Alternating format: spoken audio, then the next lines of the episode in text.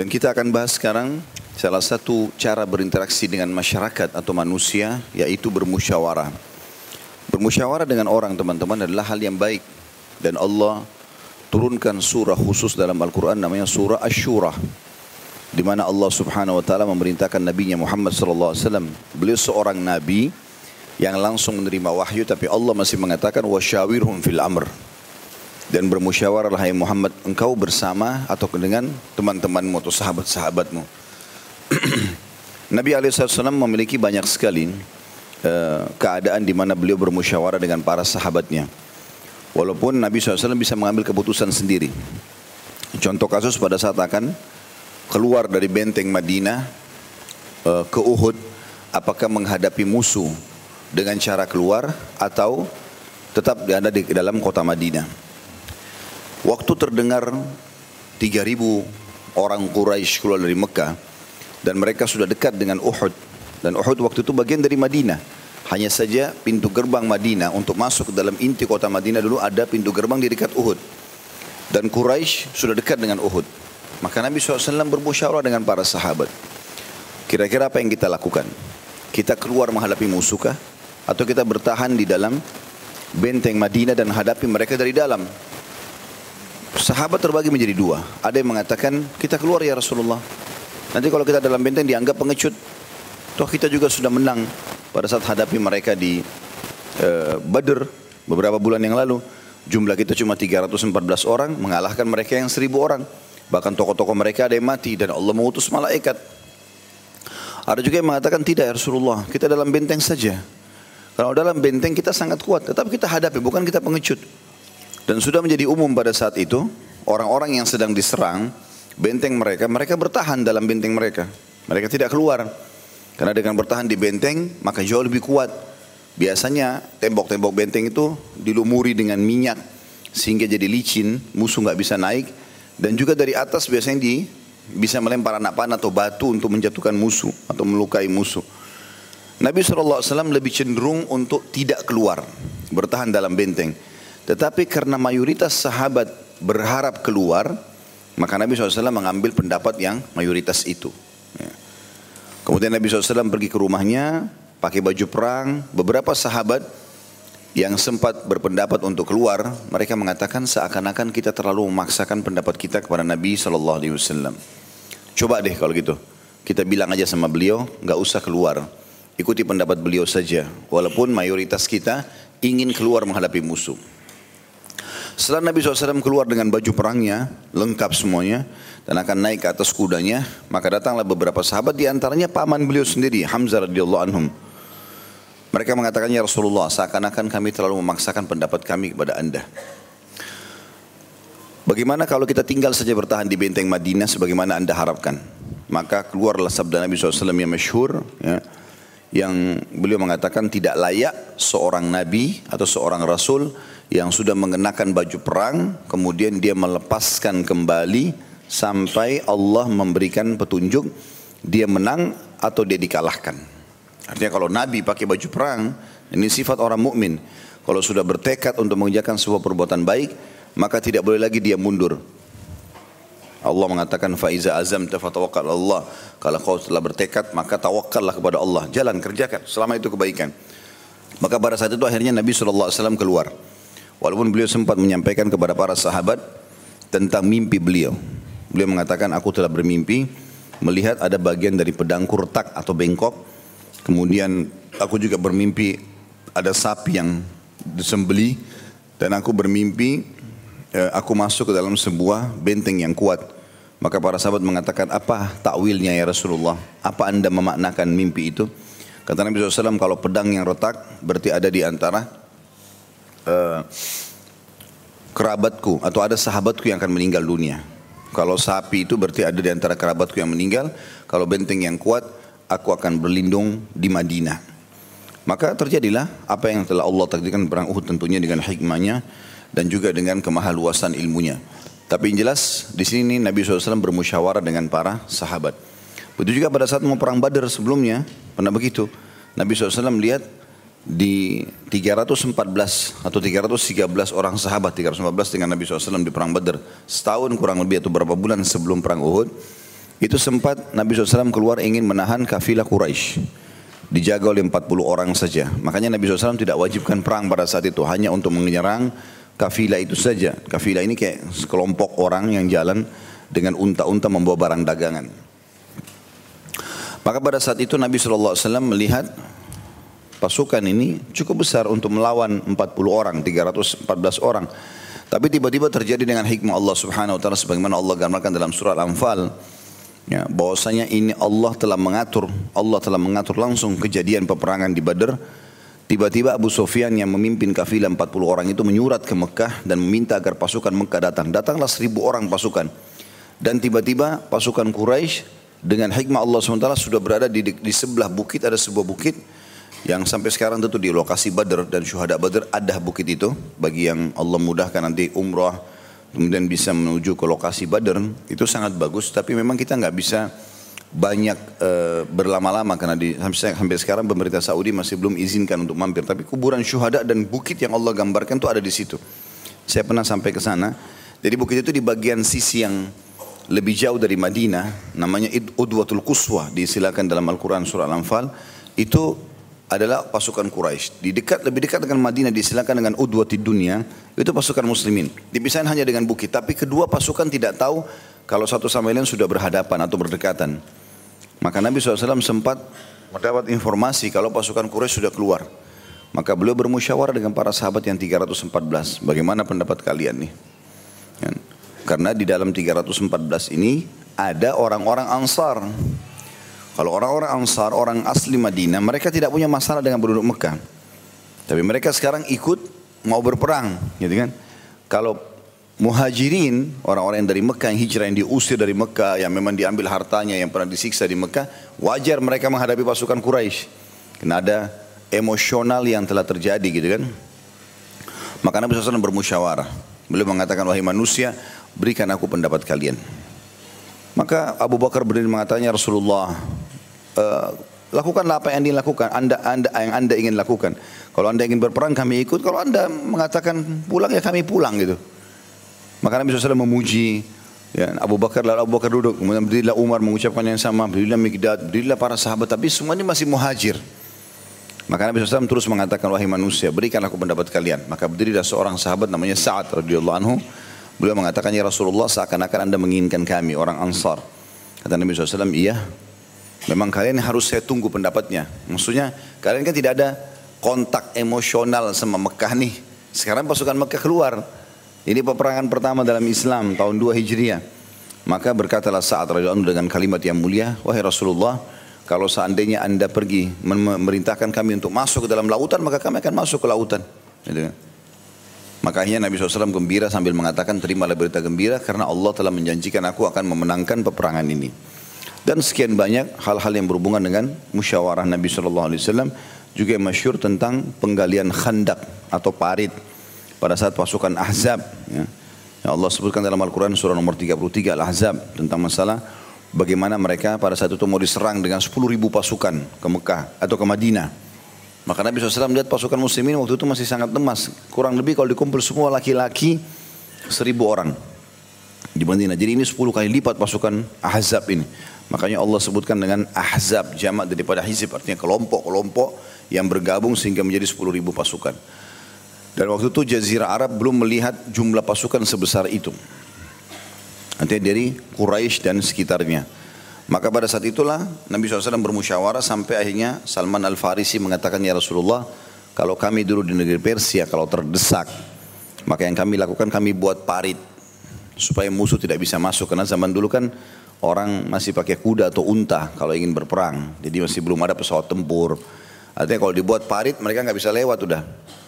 Maka dibuatlah parit pada saat itu karena hasil musyawarah dengan para sahabat dan sekian banyak tentunya hal-hal yang berhubungan dengan musyawarah. Bahkan tidak ada aibnya bermusyawarah dengan suami atau dengan istri. Ya. Karena Nabi SAW pernah terjadi di kesepakatan Hudaybiyah itu uh, beliau pernah jadi kesepakatan Hudaybiyah ini berisikan kalau muslimin tidak boleh umroh pada tahun itu. Padahal mereka sudah pakai baju ihram, tinggal satu langkah lagi. Jadi ini gatas, garis batas haram. Untanya Nabi SAW duduk di situ, nggak mau jalan, nggak mau masuk ke wilayah haram. Gitu.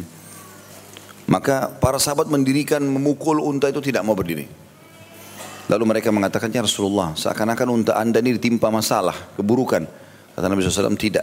Yang membuat dia duduk, ya, yang menahan dia untuk masuk wilayah haram adalah yang telah menahan gajahnya Abraha untuk menyerang Ka'bah. Artinya Allah subhanahu wa ta'ala yang menahan. Makanya mereka duduklah di situ. Pasukan Quraisy keluar 3000 orang menahan Nabi SAW. Di situ kemudian terjadi negosiasi, terjadi kesepakatan Hudaybiyah namanya. Hudaybiyah itu wilayah situ, namanya Hudaybiyah. Ringkas cerita tentu panjang lebar ini, Anda bisa kembali ke kajian sirah kami di YouTube. Tapi yang jelas di situ Nabi SAW sempat negosiasi sama Quraisy sampai kesimpulan terakhir butir-butir disepakati di antaranya muslimin tidak boleh umroh tahun itu boleh umroh tahun depan. Tidak boleh ada peperangan 10 tahun dengan antara muslim antara kaum muslimin dengan orang-orang kafir Quraisy. Kemudian juga siapa pun yang keluar dari Madinah kafir, murtad dari Islam tidak boleh dikembalikan ke Madinah. Tapi siapa yang dari kaum muslimin pergi ke Madinah maka harus dikembalikan ke Mekah dan banyak sekali peraturan-peraturan yang mereka terapkan walaupun itu kelihatannya eh, kezaliman kepada umat Islam tapi Nabi SAW setujui sesuai dengan perintah wahyu Ringkas cerita pada saat itu perintah Allah Subhanahu wa taala agar Nabi SAW pulang ke Madinah dan mencukur rambutnya walaupun belum umroh. Cukur rambut baru pulang. Nabi SAW bilang kepada para sahabat, Allah telah memerintahkan kita pulang, cukurlah rambut kalian. Tapi Nabi belum cukur. Tapi Nabi lihat tidak ada sahabat satupun yang berdiri. Mereka bukan mau membangkang, tapi mereka berharap perang aja ya Rasulullah. Karena jumlah pasukan waktu itu jumlah orang umrah 1400 orang.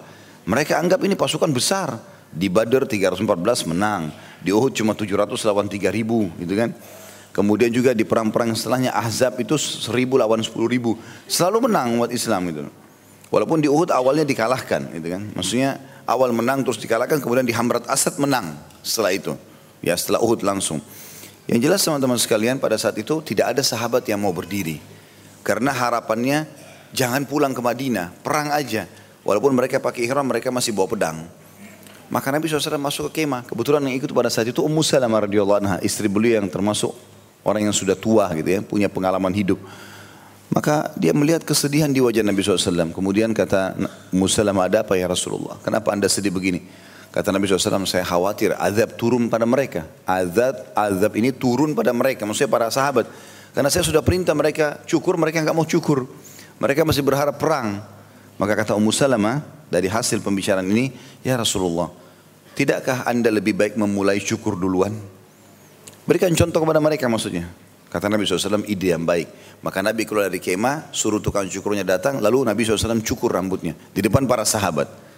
Nah, waktu mereka melihat Nabi cukur, maka mereka berlumba-lumba bercukur, mencukur. Berarti sudah tidak ada lagi, tidak ada lagi jalan untuk berperang, karena sudah perintah untuk pulang gitu.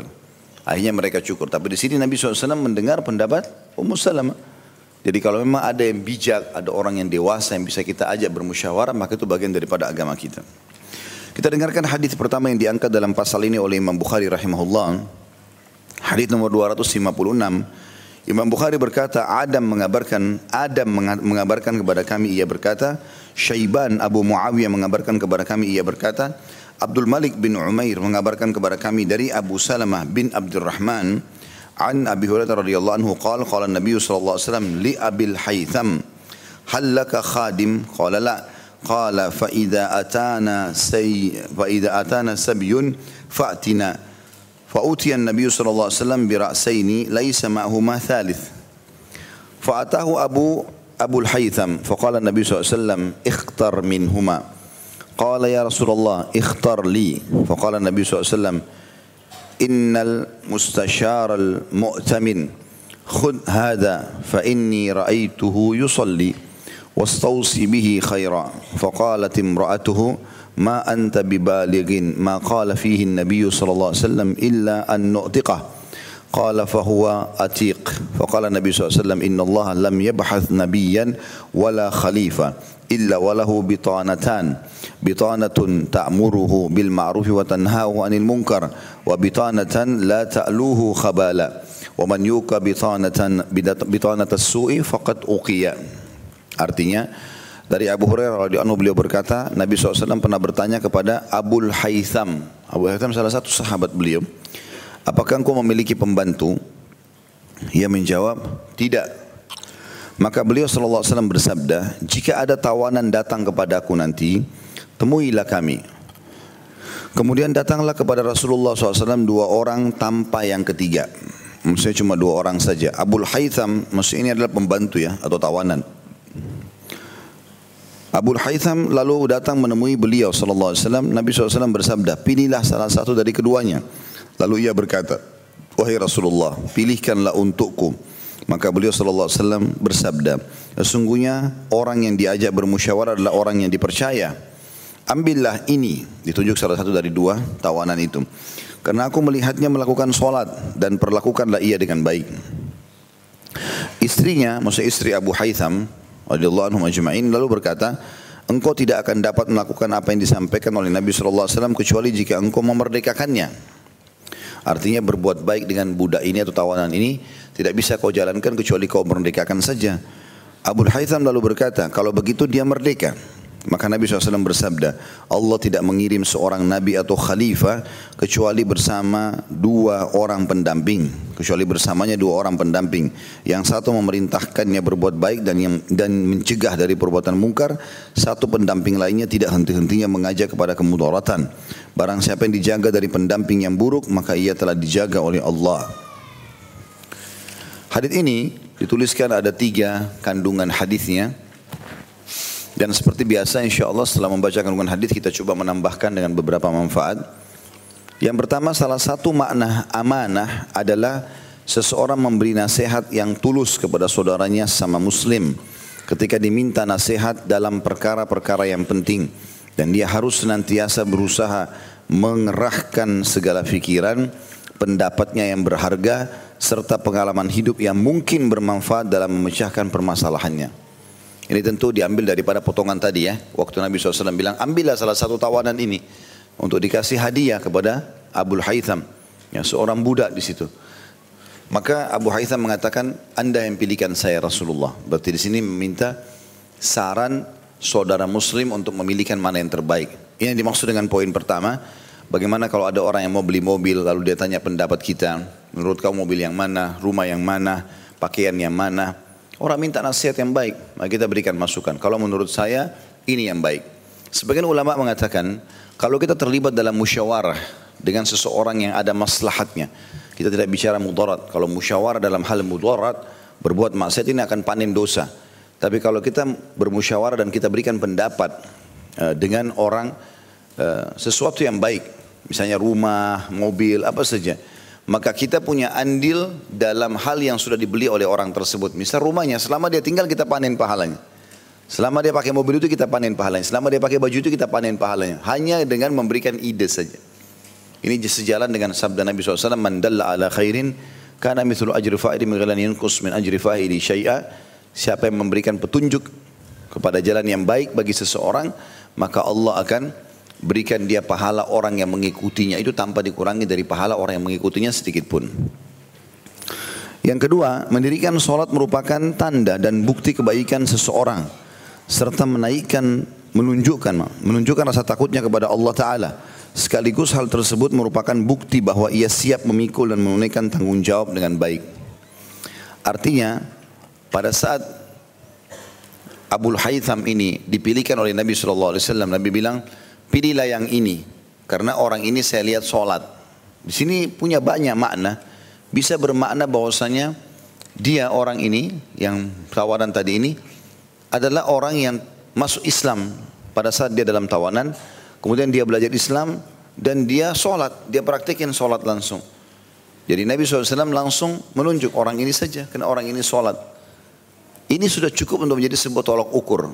Bahwasanya kalau kita berteman ya, kita ingin menikah, kita ingin berpartner bisnis, kalau kita temukan orang itu sholat, itu sudah bisa satu poin penting yang harus kita garis bawahi. Tapi kapan orang yang akan kita interaksi ini tidak sholat, maka sudah cukup untuk membuat kita menolak hubungan dengan dia. Karena sholat ini menandakan rasa takut seseorang kepada Allah. Kalau tidak, dia tidak akan untuk mengerjakan sholat itu. Meluangkan waktu wudhu, terus kemudian sebatas beberapa waktu dia bisa pakai untuk sholat, untuk sujud, berdoa gitu kan. Apalagi kalau dia mengerjakan sholat itu secara maksimal, mencari mana yang lebih afdol. Misal, sholat duha itu dari dua rakaat sampai dua belas rakaat. Kita temui ada orang yang mengerjakan sampai 12 rakaat dan ada juga orang mengerjakan cuma dua rakaat. Tentu yang kita ajak berteman adalah yang 12 rakaat. Dan dia sudah coba mencari yang paling afdal. Atau dia kita ketahui sholat tahajud. Ada yang sholat cuma dua rakaat, ada yang sholat sampai 11 rakaat. Ada yang sering bersedekah dengan 10 ribu, ada yang bersedekah dengan jutaan rupiah. Maka kita mencari orang yang mengejar yang afdal. Dengan tujuan agar kita bisa seperti dia.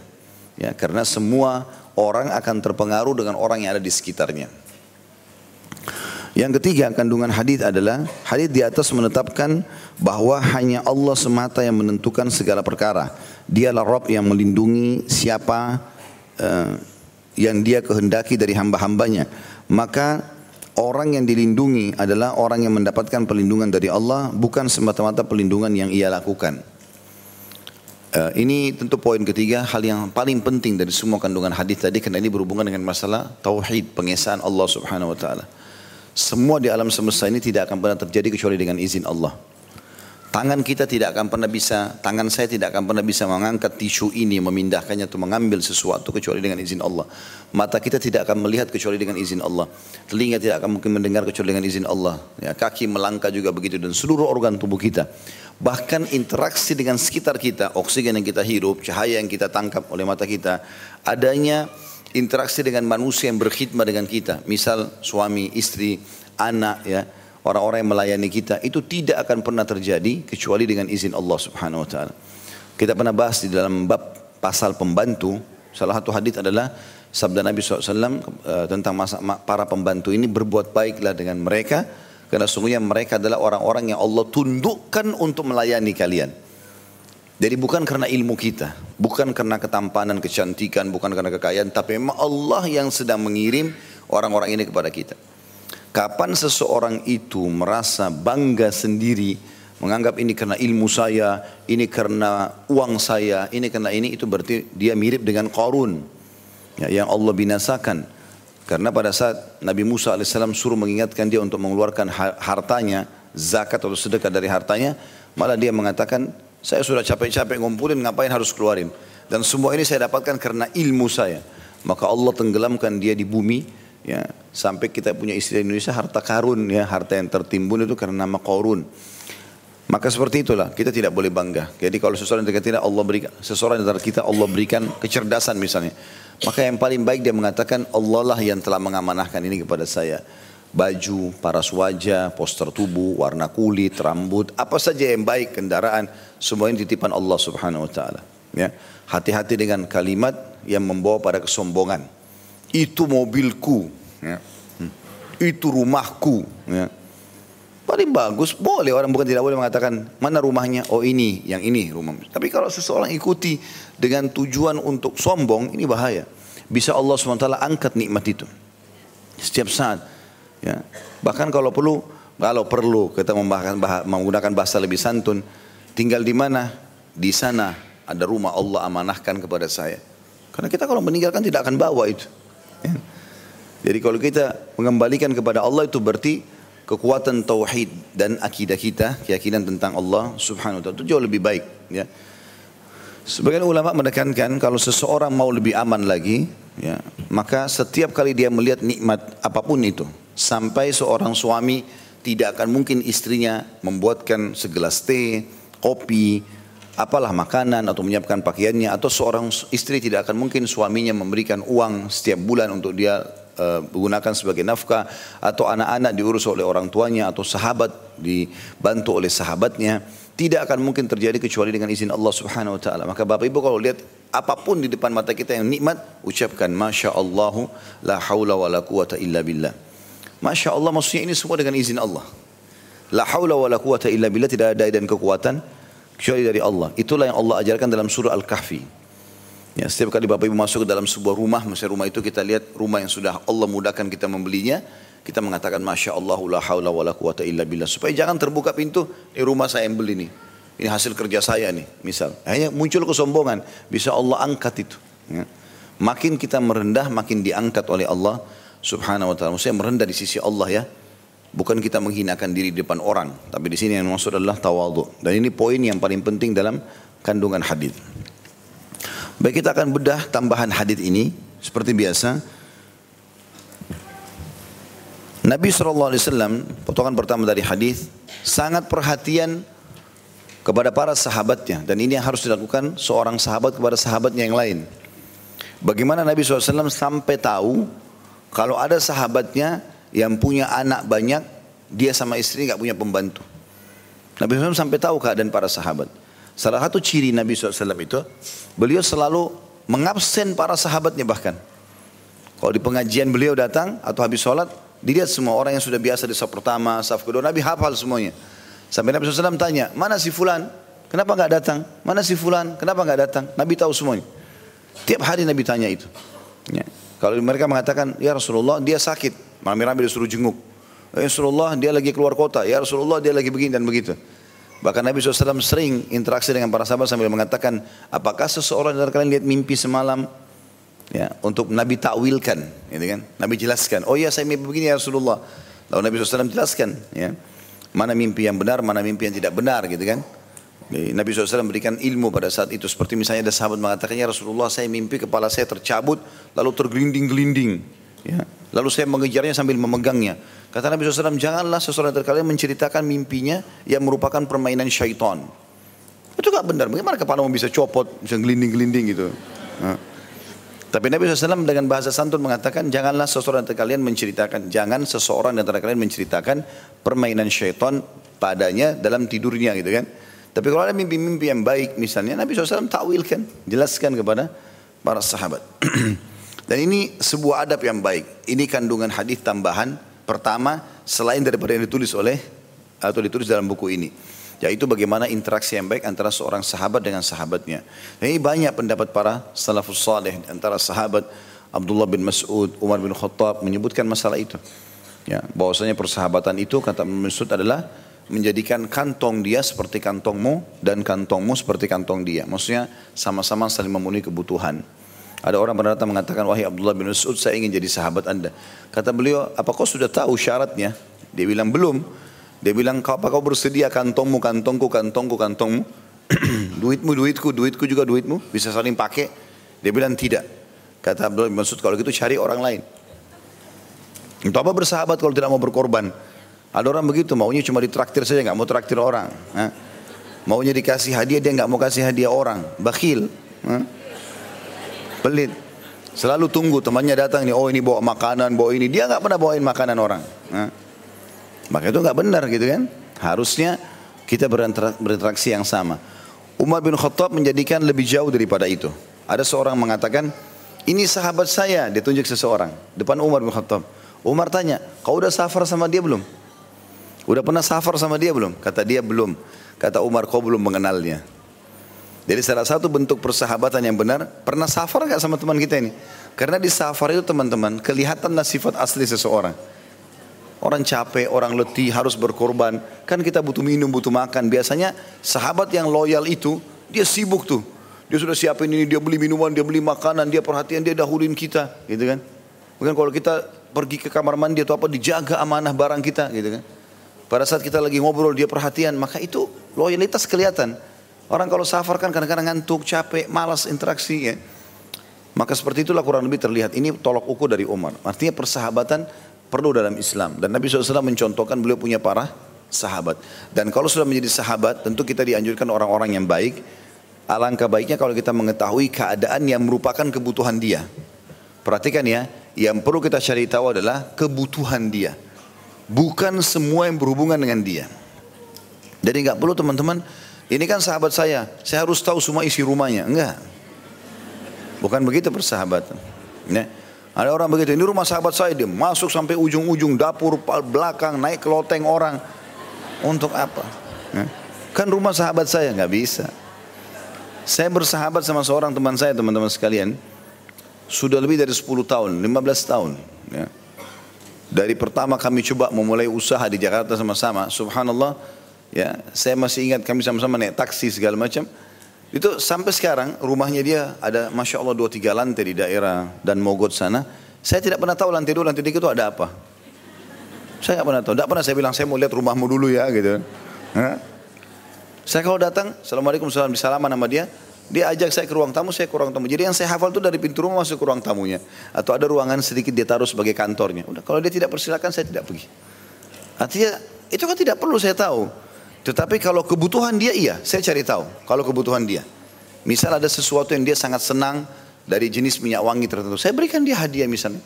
Atau misalnya dia butuh bantuan dia telepon, Khalid saya butuh gini-gini. Baik, saya siapkan gitu kan. Maka itu yang dimaksud di sini persahabatan. Bagaimana kita menunjukkan loyalitas tapi tidak perlu mencari tahu hal-hal yang mungkin dia tidak suka. Kalau Syekh Abu Bakar Jazir rahimahullah mengatakan salah satu adab persahabatan adalah kalau dia melihat temannya sedang menuju ke sebuah tempat dia tidak menanyakan kenapa dia pergi atau sama siapa dia akan pergi atau apa tujuan dia pergi ke sana kecuali temannya menceritakan. Itu salah satu adabnya, gitu kan?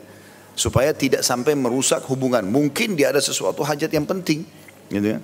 Abu Bakar itu radhiyallahu anhu melakukan satu kegiatan tidak ada satupun orang yang tahu perbuatan itu yaitu bagaimana dia berkhidmat dengan seorang janda di uh, ujung Madinah orang ibu tua sekali nggak ada anaknya nggak ada apa. Miskin. Abu Bakar tiap hari bersihin rumahnya. Bersihin rumahnya. Orang ini ibu ini buta. Tua. Bukan janda yang masih muda ya. Jangan jangan salah gunakan dalil ini. Hmm. Ustaz kan bilang bisa bantu janda masuk rumahnya. Bukan. Jadi Abu Bakar masuk ke rumah seorang ibu tua janda tidak punya anak matanya buta lagi. Matanya buta berarti tidak tidak terjadi fitnah gitu lah. Abu Bakar masuk ke rumahnya setiap siang itu bersihin rumahnya, cuciin bajunya, buatin masakan untuk untuk sehari, besok lagi begitu. Itu nggak ada yang tahu. Di zaman Nabi SAW hidup nggak ada yang tahu. Sampai zaman khilafahnya beliau ketahuan nanti oleh Umar bin Khattab. Gara-gara dia punya hajat sama Abu Bakar di siang hari, Habis sholat duhur dia ingin bicara tapi dia bilang sudahlah nanti saya ke rumahnya Abu Bakar aja. Mungkin sekitar beberapa saat setelah Abu Bakar pulang, dia jalan. Umar datang ke rumahnya Abu Bakar. Setelah salam, dia jawab sama istrinya Abu Bakar. Lalu kemudian dia tanya, mana Abu Bakar? Mana Amir Mu'minin? Kata istrinya Abu Bakar tidak punya tidak pernah pulang ke rumah di jam seperti ini. Jadi antara duhur asar ini nggak pernah pulang rumah. Kata Umar, itu sesuatu yang aneh karena setiap hari kami lihat dia pulang menuju ke rumahnya. Jadi jalannya ke rumahnya gitu kan. Kayak misalnya orang dalam komplek ini punya rumah, tiap hari dari masjid dia pulang ke sana. Kita sudah tahu dia ke rumahnya. Kata istrinya tidak pernah. Dari zaman Nabi SAW masih hidup, Abu Bakar gak pernah pulang jam begini. Umar ini penasaran, dia ingin cari tahu apa yang sedang Abu Bakar lakukan. Tapi bukan ingin, bukan maksudnya memata-matai. Abu Bakar ditahu orang soleh. Besok habis sholat duhur Abu Umar tidak banyak nanya. Nunggu Abu Bakar keluar. Begitu keluar diikutin dari belakang. Ternyata sampai di rumahnya ibu tadi itu janda tua. Perlu saya ulangi. Jadi pada saat datang ke sana, Abu Bakar, Umar tunggu di luar. Abu Bakar masuk selesaikan hajatnya lalu pergi. Setelah pergi, pastikan Abu Bakar tidak ada.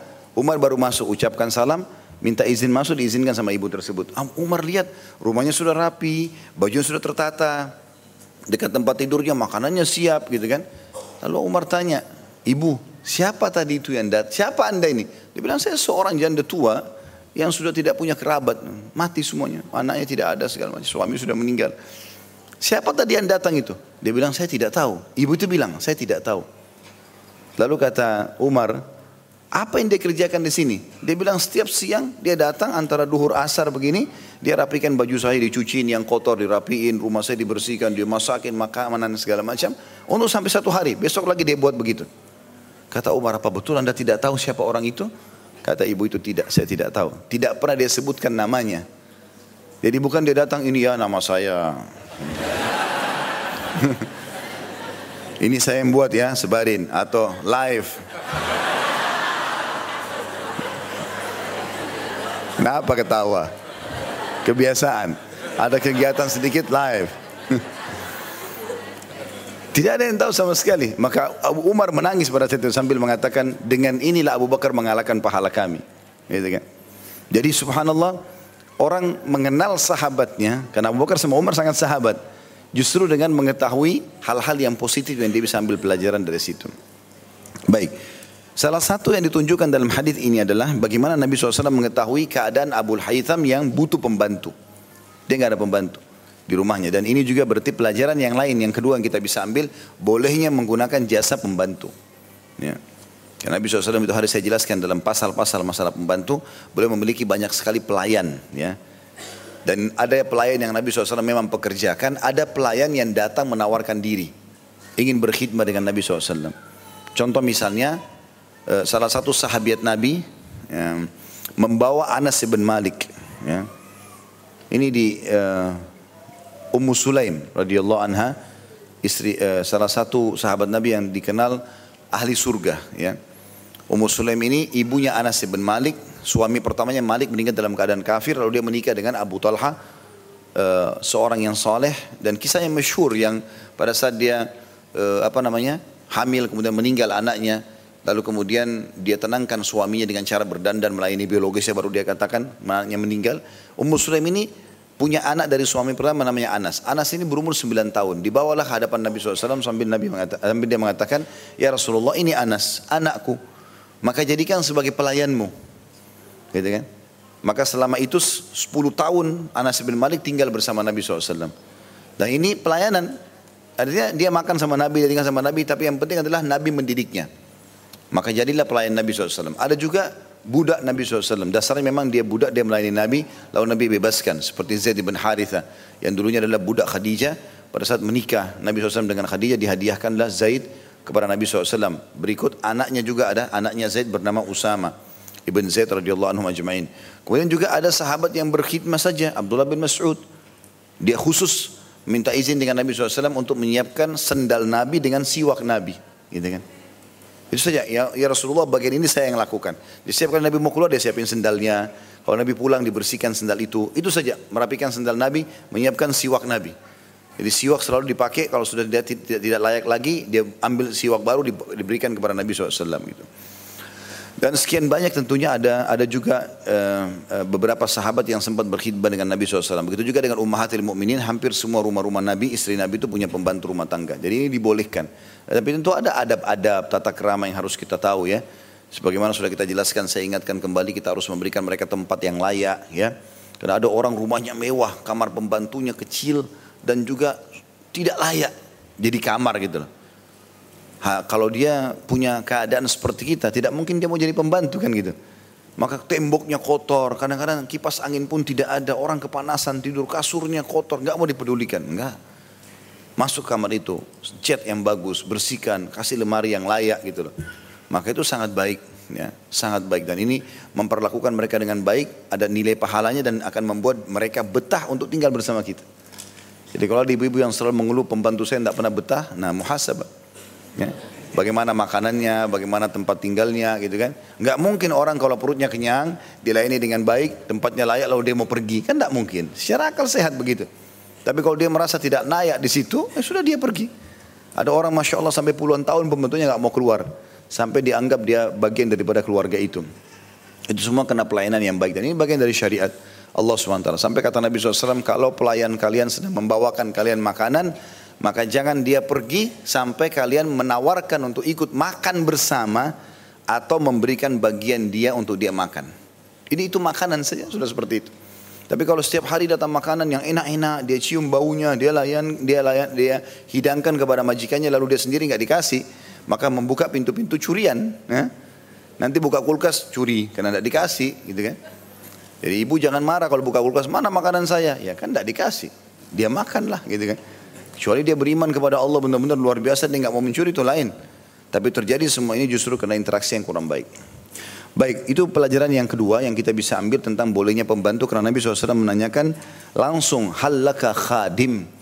Hai Abu Haytham, kau punya pembantu enggak? Dan Nabi SAW tahu keadaannya sangat membutuhkan itu. Dia mengatakan tidak.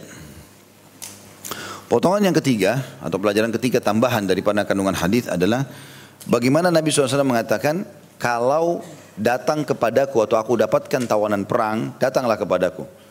Saya sudah jelaskan itu hari di bab budak ya. Kalau budak bisa didapatkan dari tawanan perang. Nah tawanan perang ini bisa yang paling baik dibebaskan. Karena mereka jadi budak muslimin dibebaskan. Kamu bebas karena Allah misalnya. Bisa juga tetap dibiarkan dalam keterbudakan dan, dan dijadikan sebagai pelayan tetapi di mereka harus dimuamalah dengan baik. Di antaranya memberikan makanan tadi, juga disuruh memberikan pakaian yang layak. Bahkan salah satu yang dilakukan oleh Talha bin Ubaidillah radhiyallahu anhu salah satu dari 10 sahabat yang jamin masuk surga, itu beliau kalau beli baju disamakan sama budak-budaknya. Jadi kalau dia jalan sama budaknya tidak ketahuan mana majikan, mana budak gitu. Karena luar biasa beliau menjaga adabnya dan setiap hari dia, dia berusaha tidak kurang dari 30 orang budak dibeli di pasar untuk dibebaskan. Beli bebas karena Allah, bebas karena Allah, bebasin orang gitu untuk mencari pahala. Tapi yang jelas teman-teman sekalian, tawanan perang masuk dalam uh, masalah ini. Kemudian Nabi SAW mengatakan, Nanti kalau saya dapat tawanan perang, datanglah ke saya. Satu hari ternyata Nabi SAW mendapatkan dua orang tawanan perang. Tapi tidak disebutkan ya tawanan perang dari mana dalam kisah ini. Yang jelas beliau mendapatkan dua orang laki-laki tawanan perang. Maka dipanggillah Abu Haytham lalu dikatakan, pilihlah salah satunya. Silakan ambil untuk jadi pelayanmu di rumah gitu. Maka kita masuk ke pelajaran setelahnya. Ini maksudnya ini kebaikan Nabi SAW menawarkan membantu kepada sahabatnya. Dan pelajaran ini kita bisa ambil tawanan perang adalah bagian daripada budak yang bisa dipekerjakan ya. Walaupun ada adab-adab dan tata keramanya. Pelajaran yang lain atau yang keempat adalah bagaimana waktu Nabi SAW menawarkan kepada Abu Haytham, pilihlah maka adab membalas kebaikan orang yang menawarkan. Misal, ini saya punya dua rumah, pilihlah salah satunya. Ini saya punya roti, pilihlah salah satunya. Ini saya punya dua pulpen, pilih salah satunya. Adabnya kita kembalikan kepada pemiliknya. Karena dia sudah niat baik sama kita kan. Pasti di antara dua benda itu ada yang dia paling suka, nggak mungkin tidak. Biasa, kita punya dua pulpen, kita suka salah satunya misalnya. Atau kita punya dua motor, kita punya dua mobil, seterusnya ini adalah adab. Pada saat dia mengatakan pilihlah salah satu, dia ingin niat baik sama kita. Maka yang paling baik kita kembalikan. Pilihkan buat saya. Supaya biar dia pilih yang paling dia suka, sisanya dikasih ke kita. Karena ini kan pemberian. Gitu kan? Ini termasuk adab yang harus diperhatikan. Jadi bagaimana kita menjaga perasaan orang yang sudah memberikan kepada kita. Mungkin dia niat baik. Ya gitu. Termasuk misalnya kalau kita ditawarkan makanan. Kita tahu makanan itu cuma sedikit. Maka nggak usah, nggak apa-apa. Silahkan makan saja. Kalau dia memaksa untuk membagi dua, kita pilih, ambil, suruh pilihkan. Baiklah, sudah dipotong dua rotinya, pilihkan buat saya potongan yang mana, gitu ya. Dia kasih itu yang kita ambil, gitu kan. Itu termasuk tata kerama adab yang sangat baik supaya tidak menyakiti perasaan orang yang sudah memberi, dia sudah niat baik, gitu kan. Itu pelajaran juga. Kemudian pelajaran yang kelima, tambahan tentunya. Ini semua lima poin tambahan dari yang tiga tadi ya. Jadi sudah delapan kalau dengan kandungan hadis tadi. Adalah sabda Nabi SAW, Innal mustasyara mu'taman. Artinya, sesungguhnya orang yang diajak musyawarah harus yang dapat dipercaya. Dan ini inti penyebab kenapa pasal ini ditulis oleh Imam Bukhari rahimahullah. Potongan sabda Nabi SAW, Innal mustasyara mu'taman. Ya. Dan ini potongan pendek tapi punya makna yang luas. Sesungguhnya orang yang diajak musyawarah harus orang yang dapat dipercaya. Maksud dalam percaya di sini adalah orang yang sudah dikenal, orang yang terkenal e, ibadahnya, kejujurannya, itu yang kita ajak musyawarah. Bukan semua orang. Ya, orang yang bijak, karena ada orang teman-teman, semua orang diajak musyawarah. Ini salah. Misal di majelis seperti ini, dia punya masalah rumah tangga. Hampir semua majelis diceritakan sama dia. Ini keliru. Dari mana dia tahu itu teman atau musuh? Mungkin orang itu tidak suka sama dia. Pada saat dia cerita, ada poin yang bisa dipegangi sebagai aibnya dia. Ini kan? Maka nggak boleh. Lalu bagaimana caranya Ustaz saya bisa mengetahui orang ini terpercaya atau tidak? Ya kita pelajari dulu. Sebelum cerita, kenal dulu siapa orang itu. Setelah kita lihat orang itu bijaksana, ya, umumnya, umumnya biasa orang kalau sudah berumur itu bijaksana, umumnya. Ya, dia orang sudah pengalaman dalam hidup, orang sudah tua rambutnya putih, orang itu umumnya diajak bermusyawarah biasanya. Kalau anak-anak masih muda, lalai gitu kan, belum faham. Yang saya sayangkan kadang-kadang banyak terjadi, bahkan ini penyebab utama cerai, rusaknya rumah tangga, Salah satu dari suami istri ini bermusyawarah dengan orang yang lebih daripada lebih rendah daripada mereka atau lebih di bawah daripada mereka dari sisi keadaan. Misal gini, dia sudah menikah suami istri. Anggap seorang ibu misalnya menikah sama suaminya, ada masalah dalam rumah tangganya. Dia bermusyawarah sama adiknya yang masih gadis, perempuan yang tidak paham rumah tangga. Bagaimana menurut kamu dek gini-gini? Dia sendiri belum berumah tangga. Apa yang dia mau kasih saran? Kan gak mungkin dia gak punya pengalaman kan? Atau bermusyawarah dengan orang yang gagal rumah tangga. Janda sama duda. Bagaimana menurut kamu? Ya dia sekalian. Oh cerai saja. Supaya ada temannya. Ini salah musyawarahnya. Musyawarah itu teman-teman kepada orang yang berhasil. Kita mau bicara masalah rumah tangga. Cari orang yang sudah langgeng rumah tangga 10 tahun, 20 tahun, gak cerai. Itu yang kita tanya gitu loh. Kita mau musyawarah tentang bisnis. Jangan tanya sembarangan orang. Tanya orang yang sudah berhasil. Orang yang memang sukses di bidangnya. Dan lebih spesifik lagi misalnya restoran ya. Orang yang sukses di restoran. Hotel ya, perhotelan. Jangan semua bidang. Karena kita kalau bicara orang yang buka toko alat listrik, kita mau buka restoran. Gak nyambung kan gitu. Maka semua harus kepada bidangnya. Ini namanya hakim atau bijaksana. Kita harus kembali kepada orang yang ahli. Makanya Nabi SAW mengatakan, kalau perkara dikembalikan bukan pada ahlinya, tunggulah kehancuran. Makanya harus musyawarah yang benar, tepat orang-orangnya. Ya biasanya itu karena orang lebih dewasa. Yang kedua adalah dia memang spesialisnya di situ. Memang dia tahu itu. Ya, ingat, saya selalu ingatkan masalah rumah tangga karena ini pilar-pilar masyarakat dan pilar negara. Kapan rumah tangga itu baik maka akan baik semuanya gitu loh. Kapan rusak maka rusak umumnya gitu kan. Maka di sini teman-teman sekalian kita harus tahu kita bermusyawarah dengan orang yang sudah pengalaman yang luar biasa dalam rumah tangga sampai 30-40 tahun Masya Allah bertahan dengan suka dukanya rumah tangga itu yang kita ajak musyawarah. Kalau orang yang setiap hari bertengkar kita ajak musyawarah nggak ada guna ini. Kita diajari juga bertengkar sama dia. Oh kalau saya sih begini. Nah kan gitu. Jadi kita jadi ikutin dia. Kalau saya saya lemparin dia cabe gitu. kita juga mau lemparin cabe kan tidak mungkin. Contoh. Maka bermusyawarah harus dengan ahlinya. Ini makna daripada innal mustasyara mu'taman. Sisi yang lain, kita juga harusnya memastikan kalau orang yang sedang kita ajak musyawarah selain dewasa, ya, selain orang yang ahli di bidangnya, juga dia bisa menjaga amanah itu. Dan ini khusus poin ketiga ini kita bisa minta sama dia. Tolong jangan diceritakan ke orang ya, misal. Gitu. Insya Allah kalau dia sudah dewasa, dia orang yang ahli di bidangnya, dia akan tahu masalah itu. Ya. Insya Allah dia bisa memberikan atau menjaga amanah itu. Dia tidak menceritakan kepada semua orang gitu. Potongan selanjutnya, saran Nabi SAW, ini manfaat atau faedah yang keenam, Khud hadha fa inni ra'aitu yusalli. Ambillah orang ini karena saya lihat orang ini sholat. Dan saya sudah jelaskan sedikit tadi gambarannya, sholat itu bisa jadi tolok ukur. Ya. Ada seorang syekh di Saudi, pernah anak perempuannya dilamar oleh seorang laki-laki. Syekh ini nggak tahu yang lamar siapa orang ini. Secara umum datang tahu ada anaknya syekh ini dilamar sama dia. Syekh juga ini tidak mau spontan. Syekh ini maksudnya seorang ulama, dia nggak mau spontan nolak orang sudah datang baik-baik. Kebetulan dia punya masjid dekat rumahnya dan dia imam di situ. Maka Syekh ini mengingat ada sebuah hadis yang berbunyi siapa yang tidak ketinggalan 40 hari takbiratul ihram imam, imam Allah Akbar dia juga di belakangnya Allah Akbar. 40 hari, 5 waktu sholat. Subuh, duhur, asar, maghrib, isya dijamin selamat dari sifat kemunafikan.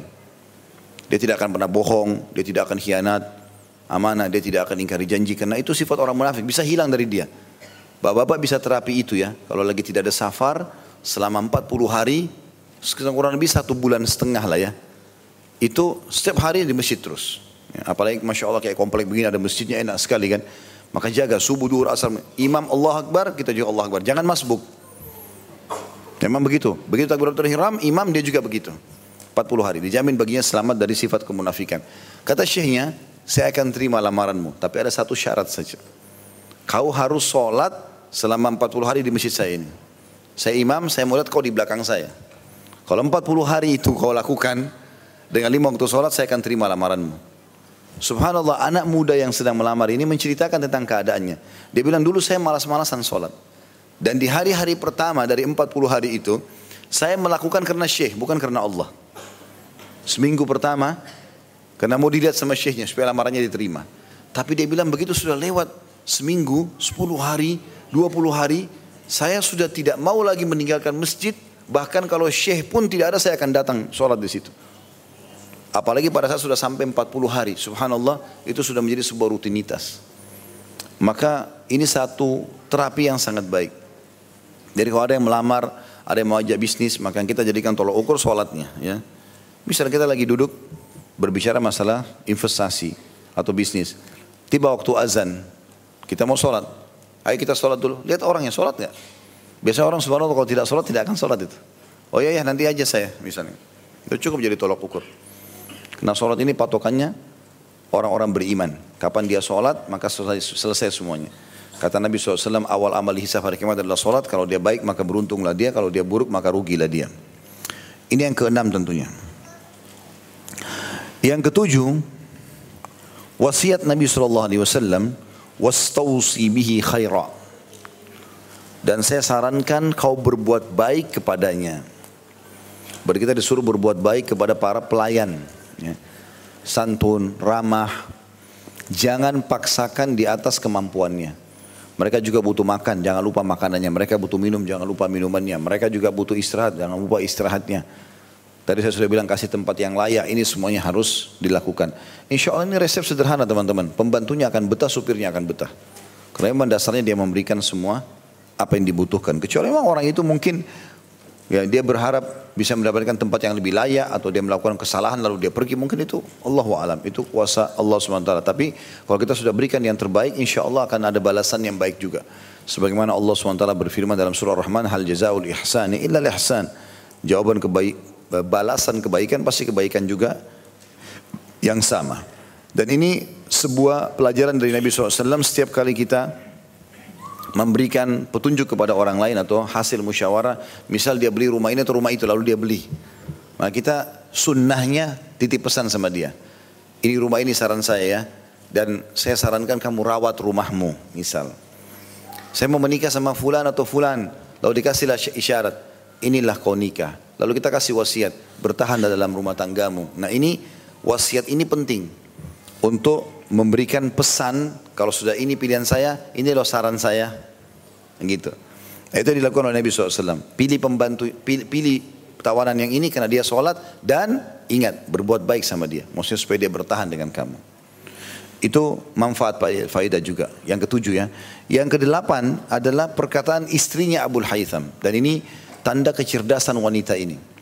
Ya, kalau setiap wanita atau istri seperti ini, masya Allah. Ya, artinya dia tidak mendahulukan dirinya karena yang butuh pembantu adalah ibu kan perempuan di rumah gitu kan. Dan pembantunya kalau dikasih berarti meringankan pekerjaannya. Tapi perhatikan apa yang dikatakan oleh istri Abu Haytham radhiyallahu anhum ajma'in. Pada saat Nabi SAW mengatakan wastausu bihi khaira dan saya wasiatkan kepada berbuat baik pada budak ini maka kata istrinya wahai Abu Haytham kalau melihat pesan Nabi tadi ini berbuat baik padanya maka tidak ada yang lebih baik daripada kau memerdekakannya. Artinya biar kita tidak usah pakai pembantu, biarin dia merdeka dia pergi. Toh kamu sudah dikasih, gitu kan?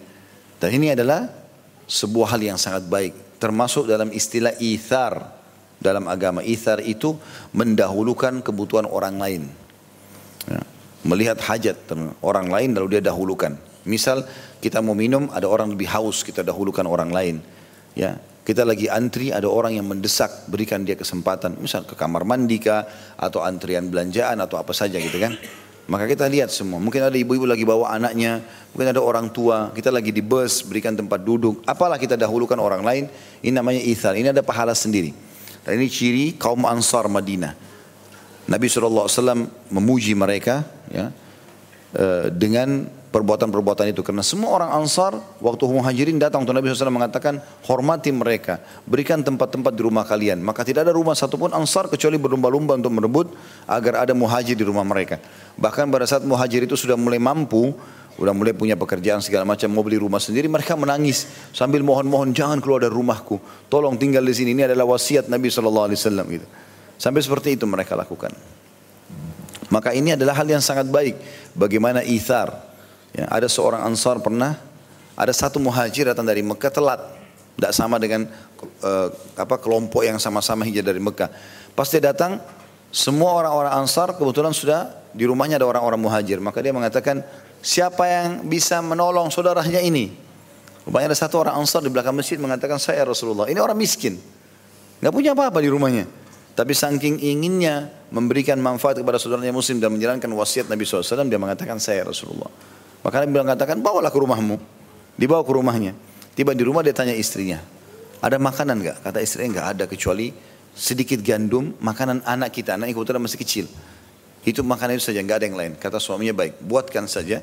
Lalu hidangkan, kemudian kita padamkan lampu. Ya. Kita buat diri kita seperti tidur. Ya. Walaupun di, mereka sekeluarga belum makan. Suaminya belum makan, istri belum makan, anaknya belum makan. Gitu kan. Maka dibuatlah makanan tersebut lalu dihidangkan, lalu dia sambil semangat gitu menunjukkan kalau memang dia tidak butuh makanan dia mengatakan, "Makanlah saudaraku, makanlah. Setelah itu istirahatlah, ini kamar kamu." Maka dipadamkan lampu. Biasanya orang lihat kalau dipadamkan lampu dalam arti kata lampu yang menuju ke kamar tidurnya dia berarti dia sudah mau tidur, ya. Pemilik rumah gitu. Maka dia masuk dalam kamar bersama istri dan anaknya dan mereka semalam suntuk kelaparan sementara tamunya yang kenyang makan. Gitu. Dan tidur dan itu tamunya tidak tahu kalau itu terjadi. Dan Nabi SAW dapat berita wahyu tentang masalah perbuatan tersebut. Itu perbuatan-perbuatan yang mulia ya. Bagaimana seseorang itu mendahulukan orang lain. Di sini istri Abu Haytham melakukan perbuatan tersebut. Padahal dia paling butuh dengan pembantu itu. Tapi bagaimana dia mendahulukan orang lain. Ya, ini perbuatan yang sangat baik ya. Ini juga salah satu ciri eh, banyak sahabat Nabi tapi yang termasuk punya ciri seperti ini Sa'id bin Amir radhiyallahu anhu. Sahabat Nabi yang mulia, beliau tidak terlalu dikenal oleh banyak kaum muslimin tapi beliau terkenal sekali dengan sifat itharnya. Dia gubernur Hims. Ya, salah satu orang yang ditunjuk oleh Umar untuk memimpin wilayah Hims. Hims ini wilayah yang penuh dengan kekayaan, penuh dengan tanaman subur sekali di wilayah di wilayah negeri Syam ya. Dan banyak fitnah di sana. Lalu ditunjuklah Sa'id bin Amir untuk menjadi gubernur di sana oleh Umar bin Khattab. Subhanallah setiap kali terima gajinya, dia keluarkan kebutuhan dasarnya, sisanya disedekahkan. Sampai dia waktu datang orang-orang utusan Umar bin Khattab yang datang ke Hims ini, di kota Hims untuk uh, Umar bilang, coba kumpulkan data orang miskin di Hims. Saya mau bantu mereka. Dicarilah, ditaftar semua. Nomor satu namanya Sa'id bin Amir. Gubernur mereka. Kata Umar, siapa ini Sa'id bin Amir? Kata dia gubernur kami. Kata Umar, gubernur kalian miskin? Kata mereka, iya. Kok bisa? Bagaimana bisa? Kan dia punya gaji. Dia bilang, wahai Amir Mukminin, rumahnya nggak pernah nyalakan api. Setiap kali dia terima gaji, dia keluarkan kebutuhan dasar keluarganya lalu sisanya disedekahkan. Tidak pernah tertinggal. Sampai Umar akhirnya mengirim uang satu kantong berapa banyak dinar gitu. Kena bilang sama saya Amir pakai untuk kebutuhannya. Tiba di rumahnya, dia lihat, dia sambil sedih melihat uang itu banyak sekali. Kalau nggak salah jumlahnya antara 50 sampai 100 dinar. Besar uang itu pokoknya. Atau 500 dinar ya. Saya lupa dalam riwayat itu. Yang jelas dia, dia lihatlah. Lalu dia sedih.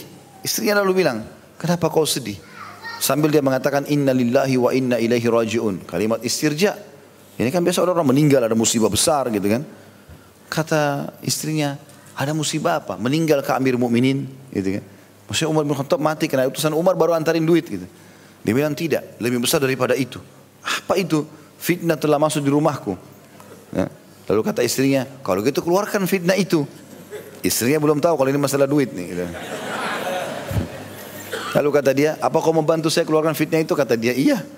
Lalu kata suaminya, saya mengatakan, ambillah kantong-kantong kita keluarkan uang ini. Tapi istri ikut bantu dia. Keluarkan uang itu disedekahkan sampai habis gitu ya. Setelah disedekahkan dia senang.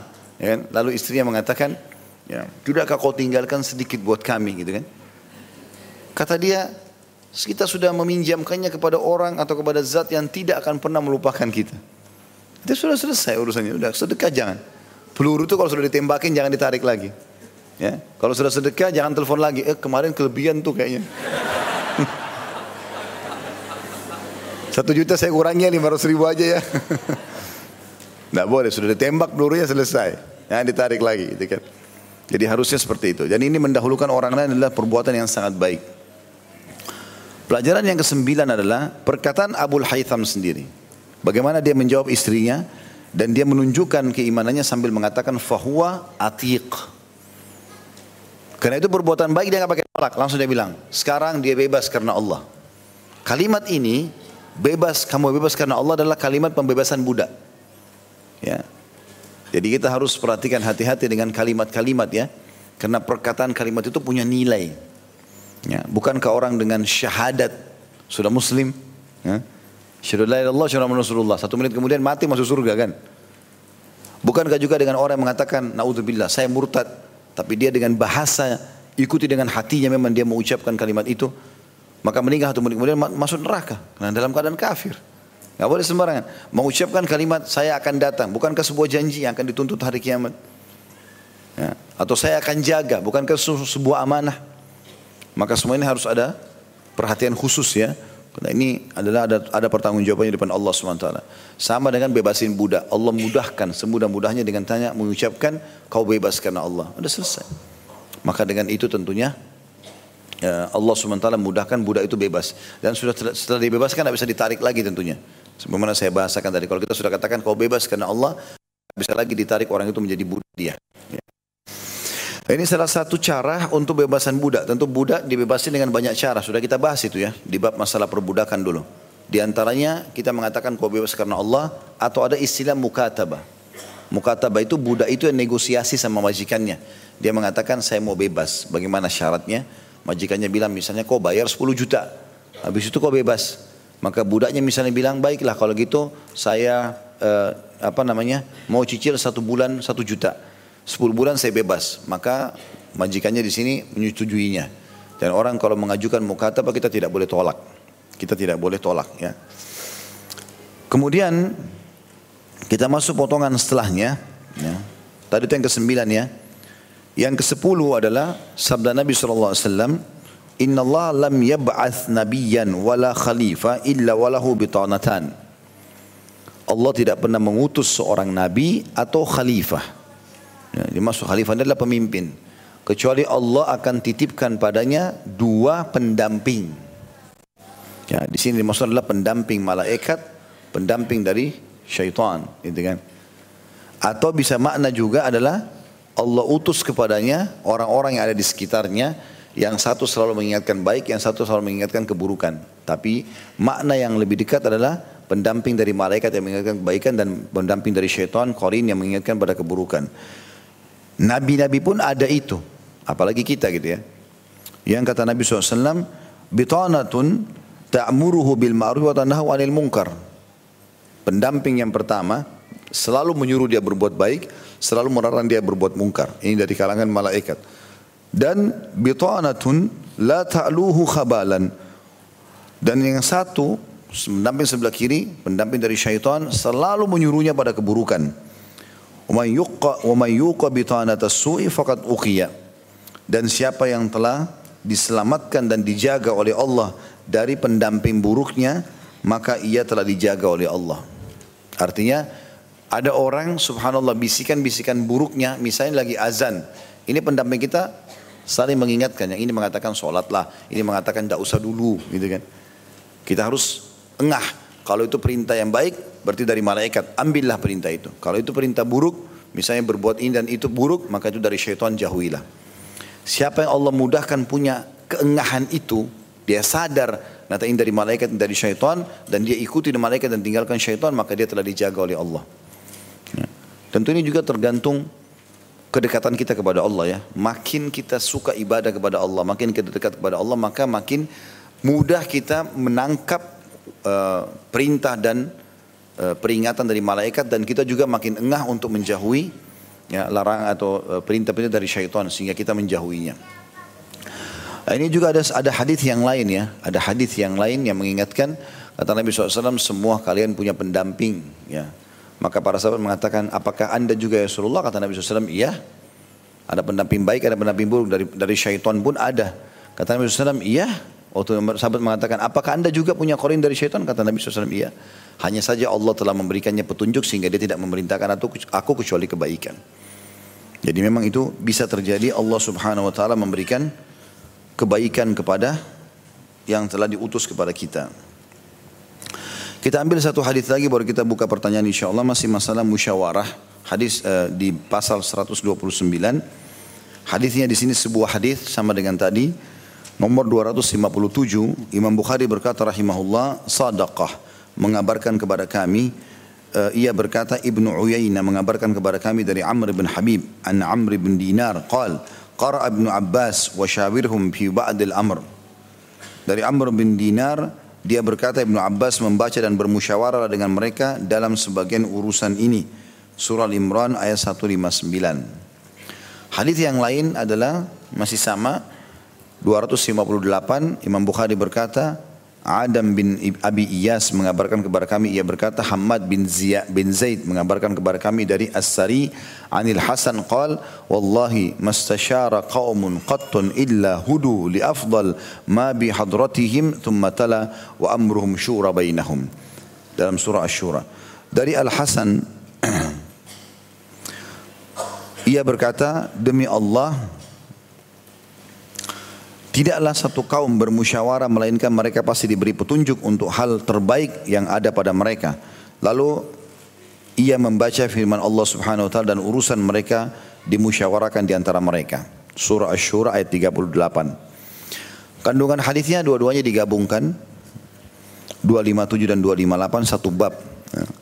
Maaf tadi kalau saya keliru saya mengatakan sebuah hadis ya. Ini ada dua buah hadis. Yang pertama berdasarkan kiroa Ibnu Abbas. Makna kiroa bacaan. Di atas terdapat perintah bagi eh, berdasarkan kiroa Ibnu Abbas radhiyallahu eh, di atas terdapat maaf berdasarkan kiroa Ibnu Abbas di atas terdapat perintah bagi Rasulullah SAW untuk bermusyawarah dengan para sahabatnya dalam sebagian permasalahan yang belum memiliki ketetapan syariat. Ya, coba dibuka dulu ya dibuka surah Al-Imran ayat 159 supaya kita tahu apa yang dimaksudkan dengan kiroa di situ. Bunyinya a'udzubillahi minasyaitonir rajim.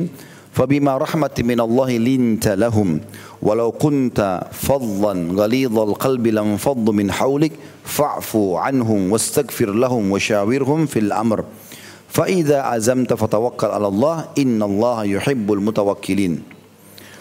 Maka disebabkan rahmat dari Allah lah kamu berlaku lemah lembut terhadap mereka. Artinya kalau bukan karena Allah inginkan hai Muhammad kau tidak akan bisa lemah lembut dengan para sahabatmu. Sekiranya kamu bersikap keras, lagi berhati kasar, selalu marah, emosional, orang salah sedikit dihukum berat gitu kan. Tentulah mereka akan menjauh dari sekelilingmu. Karena itu maafkanlah mereka, mohonkanlah ampun bagi mereka, maksudnya para sahabat beliau ridwanullah alaihim dan bermusyawarahlah dengan mereka dalam urusan itu. Perhatikan kalimat di sini dan bermusyawarahlah dengan dengan mereka dalam urusan itu. Wasyawirhum fil amr. Lihat kalimat itu ya. Lihat bahasa Arabnya wasyawirhum fil amr.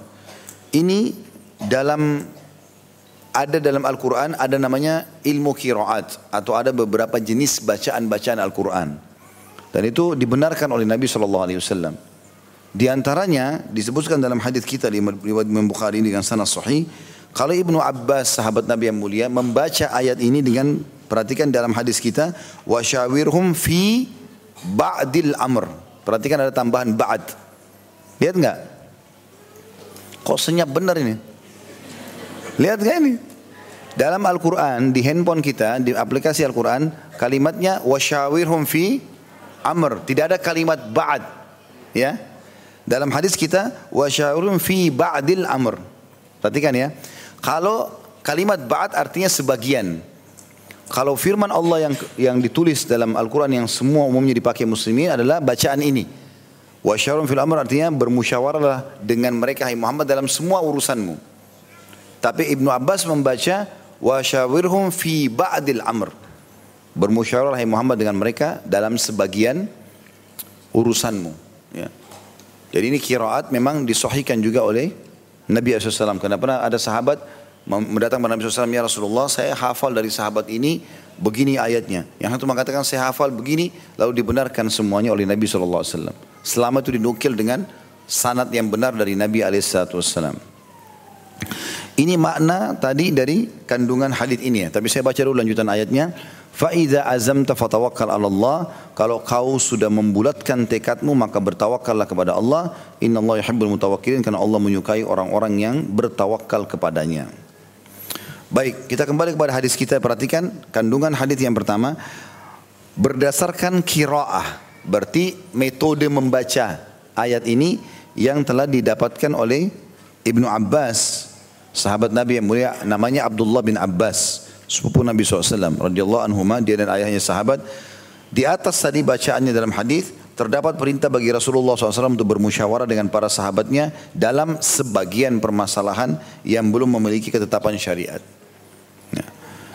Yang kedua kandungannya adalah dalam perkataan Al Hasan Basri terdapat anjuran agar bermusyawarah dalam berbagai urusan dan muamalah karena hal tersebut memiliki faedah yang besar.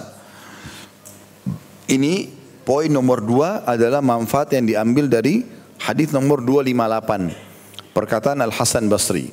Hasan Basri rahimahullah salah satu ulama tabi'in. Dan beliau juga dapat julukan anak susunya Nabi SAW. Sebenarnya dia tidak disusui oleh Ummahatil Mukminin, Tetapi ibunya Hasan Basri ini dulu adalah uh, budaknya Ummu Salamah. Istri Nabi SAW. Jadi kalau waktu Hasan Basri masih kecil, kalau uh, ibunya Hasan ini sedang disuruh pergi belanja sesuatu oleh Ummu Salamah di pasar, maka untuk menenangkan Hasan Basri sering disusui uh, oleh Ummu Salamah walaupun tidak ada tidak ada air susu beliau untuk menenangkan bayi itu gitu ya. Maka diberikan julukan anak susu Nabi SAW walaupun sebenarnya tidak disusui langsung oleh Ummahatil Mukminin.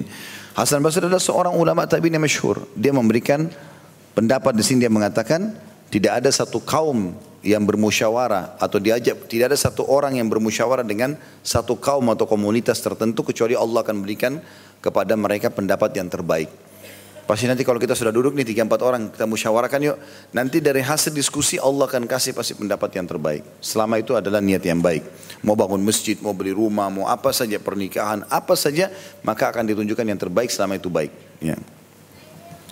Jadi sini faedah yang kedua adalah dalam perkataan Al Hasan Basri terdapat anjuran agar bermusyawarah dalam berbagai urusan dan muamalah karena hal tersebut memiliki faedah yang besar. Yang ketiga, Rasulullah SAW bermusyawarah dengan para sahabatnya dalam memecahkan permasalahan yang muncul.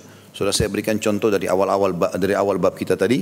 Yang keempat adalah dalam ayat yang mulia wa amruhum syura bainahum terdapat dan di antara mereka perkara selalu dimusyawarakan ya, atau eh, makna lainnya adalah perkara mereka diikuti dengan bermusyawarah atau urusan mereka dimusyawarakan di antara mereka terdapat nasihat bagi kaum muslimin agar bermusyawarah dalam permasalahan yang mereka hadapi.